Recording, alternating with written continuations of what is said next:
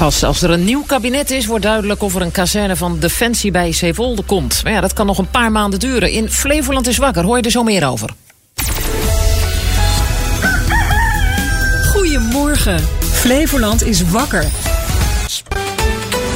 Totdat er een nieuw kabinet is, komt er geen duidelijkheid over een kazerne van Defensie bij Zeewolde en over munitiedepots bij Dronten, Biddinghuizen en in Noordoostpolder. Het nieuwe kabinet moet een voorkeur uitspreken voor de locaties en dat is op zijn vroegst na de zomer. Bleek gisteravond tijdens een online uitzending van het ministerie van Defensie over de verschillende uitbreidingsplannen van de krijgsmacht. In die plannen wordt Flevoland een paar keer genoemd als plek voor een nieuwe kazerne, voor munitieopslag en voor oefengebieden voor drones en helikopters. Verslaggever Richard Schuurman heeft die uitzending meegekeken. Ja, Richard, eh, geen concreet nieuws dus voor Flevoland? Nee, al hadden veel Flevolanders daar waarschijnlijk wel op gehoopt. Want van de ruim duizend kijkers van de uitzending kwam een kwart uit onze provincie. En daarmee waren de Flevolanders het beste vertegenwoordigd. Ja, maar waar ging het, ging het dan wel precies over, Richard? Nou, eigenlijk in algemene zin werden er zeven projecten besproken uit het uh, totale pakket uh, van de plannen uh, dat Defensie heeft opgesteld. En daar zitten totaal zo'n 50 plannen in. En we leven in een gespannen tijd. Oorlog is niet ver weg van hier, dus de krijgsmacht wil meer kunnen oefenen en doen. En daarvoor is letterlijk meer ruimte nodig. Dat was eigenlijk de boodschap. Of zoals generaal Eleanor Boekholt O'Sullivan het zei: We hebben echt naar alles bekeken of het misschien ergens anders kan, zoals in het buitenland. Maar dat blijkt in heel veel gevallen toch niet mogelijk. En daarom zoeken we ruimte dicht bij huis. Ja, dus die kazerne bij Zeewolde, gaat die hier komen? Nou, dat is een beetje kort door de bocht. Er staan inderdaad drie plekken bij Zeewolde op een kaartje.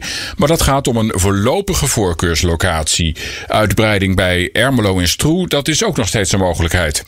Maar in de huidige fase van de plannen gaat het om de eerste voorstellen. En daarop kan de komende weken worden gereageerd. En dan gaat het ministerie van Defensie al die uh, zienswijzen, zoals die heten, uh, bekijken en daar een reactie op geven. En uiteindelijk zal het nieuwe kabinet een voorkeur voor een locatie moeten uitspreken. En dan komen er nog weer milieuonderzoeken en daar is ook weer inspraak op mogelijk. En vervolgens kom je in een traject van inspraak dat volgens projectleider Vincent van der Werf nog wel enkele jaren zal gaan duren, maar wat dus steeds concreter wordt. Ja, bij Dronten staan opslagdepots voor munitie op een kaartje. Wat werd daarover gezegd dan? Nou, over dat depot werd eigenlijk een prangende vraag gesteld door diverse kijkers van de uitzending. Namelijk of Lowlands wel kan doorgaan als daar een munitiedepot om de hoek ligt. Nou, die vraag werd beantwoord door luitenant-kolonel Jan de Jonge. En die kennen we natuurlijk nog als CDA-wethouder in Zeewolde in een grijs verleden. Maar hij denkt dat dat geen probleem is en dat Lowlands gewoon kan doorgaan. Tenzij er echt een depot om de hoek van het Lowlands terrein komt en waaruit zou blijken dat dat niet samengaat om veiligheidsredenen, ja, dan zou natuurlijk zo'n festival er, niet kunnen komen. Maar dat heeft natuurlijk ook gevolgen voor de andere activiteiten vlakbij Lowlands. Ik uh, denk maar eventjes aan het attractiepark dat daar ligt. Overigens gaat er bij een depot om een stukje grond van zo'n 800 bij 900 meter, met daaromheen dus een veiligheidszone.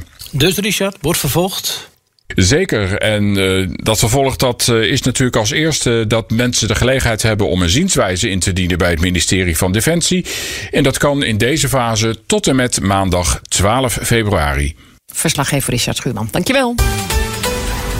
Lelystad worstelt met de vraag hoe om te gaan met een fietsoversteek aan de Middendreef, ter hoogte van de wasstraat van Loogman. Volgens de politie is de oversteek niet veilig en zou die weg moeten. De Fietsersbond vindt het een veilige oversteek en wil dat de gemeente hem handhaaft. Nico Dijkshoorn. Ik heb me heel verbaasd over het standpunt van de politie. Want er zijn hier bij mijn weten nooit ongelukken gebeurd.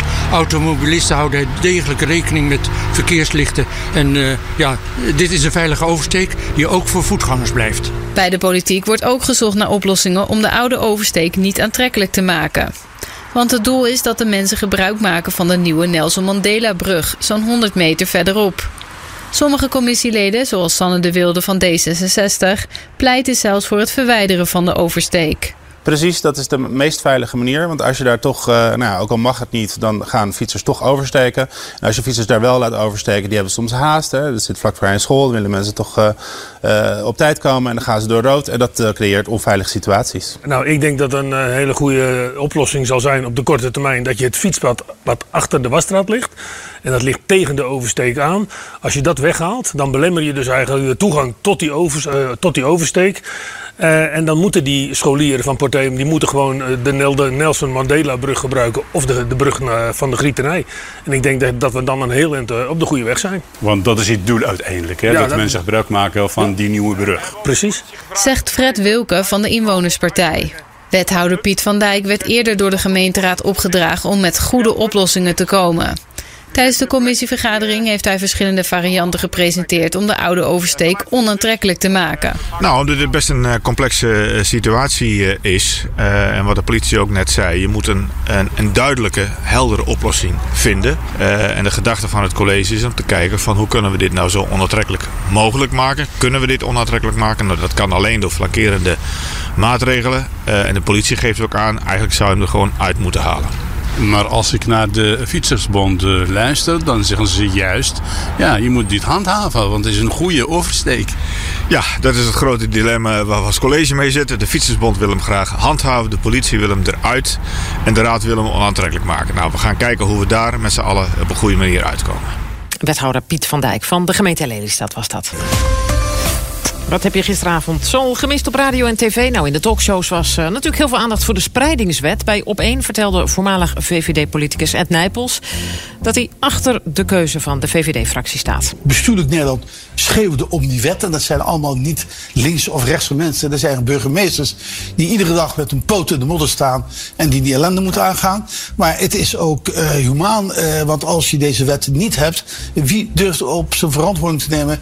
Dat duizenden mensen dat die buiten op straat slapen. En het is politiek. Is het buitengewoon verstandig wat de Eerste Kamerfractie heeft gedaan? Waarom? Want je laat je eigen staatssecretaris in de kou eh, staan. Die heeft gevochten als een leeuwen. Fractievoorzitter Jordi Drieman van de VVD in Kranendonk was het daar niet mee eens. Maar met alle respect, je laat nou ook gewoon een hele hoop kiezers in de kou staan. Hè? Het VVD-verkiezingsprogramma was heel helder. Daar hebben we, eh, in- tijdens de vorige eh, periode hebben we daar, eh, is daar zelfs een kabinet do- doorgevallen. We hebben heel duidelijk stelling genomen hoe we wilden dat dit opgelost werd. Die spreidingswet die, die laat helemaal inhoudelijk niks zien over aantallen. Ik vind als jij als centrale overheid, decentrale overheid moet dwingen om beleid uit te voeren, dan heb je volgens mij ergens een slag gemist, want dan heb je mensen kennelijk eh, onvoldoende lekker gemaakt voor het beleid. Pegida-voorman Edwin Wagensveld wilde afgelopen weekend een Koran verbranden in Arnhem. Dat liep uit de hand. Meerdere agenten en Wagensveld eh, zelf raakten licht gewond. In Nieuwsuur stelde Said Bouharou van het contactorgaan Moslims en Overheid... dat er een verbod moet komen op het verbranden van Korans. Ik ben zelf de mening toegedaan dat op het moment dat je een Koran eh, verbrandt, dan ben je echt bezig met een vernietigingshandeling. En eh, je zegt eigenlijk, je geeft eigenlijk het boodschap aan, aan toch wel 1 miljoen Nederlanders in het land van ehm, ehm, dit geloof mag er niet zijn. Ehm, ik, eh, ik, ik sluit iedere vorm van gedachteuitwisseling of eh, uitwisseling van meningen met, eh, met jullie uit. Het moet verdwijnen, het mag er gewoon niet zijn en je, je zet gewoon aan tot haat. Het is volgens Bouharou niet de bedoeling om critici van het moslimgeloof de mond te snoeren. Ze mogen demonstreren, zolang het maar gebeurt met woorden. Als iemand kritiek heeft op een andere geloofsbeleidenis, en dat hebben we ook gezien, dat hebben we ook de revu- revue zien, zien passeren, dan is dat gewoon mogelijk. Dus daar kun je in die zin, is dat gewoon, daar is daar alle ruimte voor. Maar op het moment dat je een vernietigingshandeling eh, eh, uit, zoals dat dus hier nu aan de, aan de orde is, dan vind ik dat je alle grenzen hebt overschreden. En dat valt echt naar mijn mening niet meer onder de vrijheid van meningsuiting. En eh, dat, daar moet gewoon een verbod voor komen. En dat was. Maar dan vindt hij ook dat je geweld mag gebruiken, zoals gebeurde door moslims. Dat mag dan ook. Is het daarna Daar hoor ik hem niet over. Nee. Dus dat vind ik dan bijzonder. Als je zegt van, eh, hè, je, je mag demonstreren, maar alleen met woorden. Ja. Daar heeft hij zeker een punt, maar dat geldt Tuurlijk. ook voor je eigen mensen natuurlijk. Ja. Ik bedoel, als je ziet wat voor, eh, wat voor geweld er werd gebruikt. En dan praat ik het niet goed hoor. Ja, je moet Nee, want die agenten moet je die dat zijn willen? wel gewond geraakt en die Zeker, demonstrant zeker. zelf ook. Ja, je moet je natuurlijk afvragen, ja, eh, moet je dat willen? Hè? Eh, Het mag, maar niet alles wat mag, moet je ook willen doen. Nee, dat is zo. Dus daar valt het verbranden van een Koran dan ook onder. Eh, want dat kan inderdaad nou ja, boosheid oproepen. Ja. Maar je kunt natuurlijk ook tegen je eigen mensen zeggen van... goh, die boosheid snappen we, maar reageer met... Ook met woorden. ja, precies. Toch? Ja, ja. daar zijn we er. Eh, wat wou ik ook weer zeggen? Oh ja, dat is wat, eh, wat je had gewist op Radio Ja. TV gisteravond. Het Lelystadse Filmtheater bestaat 20 jaar... en daarom is er vier dagen lang een filmfestival in eh, bioscoop Kok Cinemax. Op de tweede dag draaide gisteren de Franse film Le Pot au Feu. Een succes, want er kwamen zo'n 300 mensen op af. Het is altijd een heel boeiend aanbod.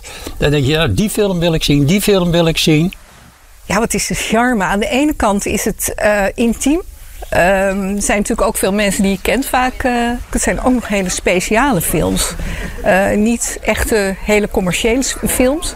Maar juist films met, ja, die toch hele diepe indruk achterlaten als je de zaal verlaat.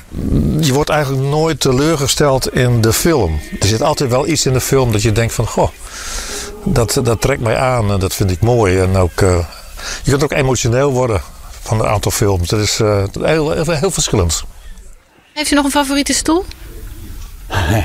Zoals iedereen, rij 7, rij 8 en dan bij voorkeur in het midden. Veel enthousiasme dus bij bezoekers van het filmtheater.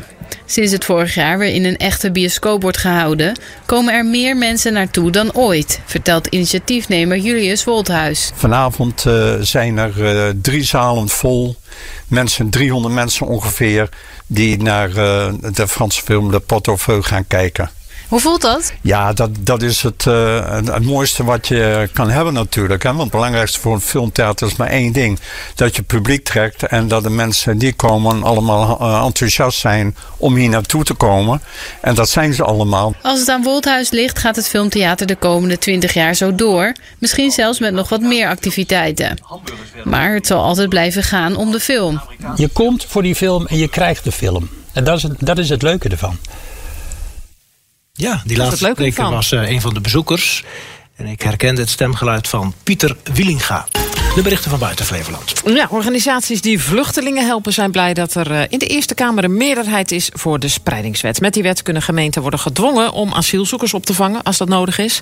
Het was lang spannend of de VVD voor de wet zou stemmen, omdat partijleider Gus tegen is. Edith Schippers, VVD-fractievoorzitter van de Eerste Kamer, legt uit waarom er uiteindelijk toch voor is gestemd. Wij hebben ook voor controversieel verklaring gestemd in de Eerste Kamer. Dat betekent dat wij in de Eerste Kamer hebben gezegd: laten we de wet niet behandelen. Laten we dat doen als er een nieuw kabinet is. Dat heeft het niet gehaald. Dus dan ga je een wet behandelen. En dan moet je een wet ook beoordelen voor wat voor ligt. Vluchtelingenwerk Nederland spreekt van een hoopvolle doorbraak. UNICEF noemt de wet een cruciale eerste stap naar stabiele opvang van asielzoekerskinderen. En ook gemeenten, provincies en veiligheidsregio's hebben positief gereageerd. De Senaat stemt volgende week over de spreidingswet. Dus dat duurt nog even, de officiële stemming. Ja, maar die is toch niet meer spannend dan? Nee, dat denk ik niet, nee. Aan het eh, avontuur van tennisser Jesper de Jong op de Australian Open is een einde gekomen. Hij verloor van de Italiaan Yannick Sinner. De Jong vocht voor wat hij waard was, maar de nummer 4 op de ATP-ranglijst bleek een maatje te groot. Na afloop noemde Sinner de, Nederlandse, de Nederlander een goede speler. Eh, ja, en die verwacht hij vaker te zien op de grote toernoois. He is a very good player. I wish him obviously all the best, but I'm I'm sure that he is gonna um, play um, so many more matches in uh, in the Grand Slams um, main draw. So I'm looking forward to it. Lekker echo ook. Heerlijk. Hebben we hier ook hoor, maar die is dan van uh, zijn kunstecho. Uh, Jesper de Jong die verloor in drie sets, alle drie, met 6-2. Als je niet beter zou weten, dan zou je in Amsterdam denken dat je een helm op moet als je op een elektrische fiets zit. In de stad hangen namelijk allemaal posters met de boodschap dat er sinds 1 januari een helmplicht is. Nou, hoewel het logo precies lijkt op dat van de gemeente, heeft hij er helemaal niks mee te maken.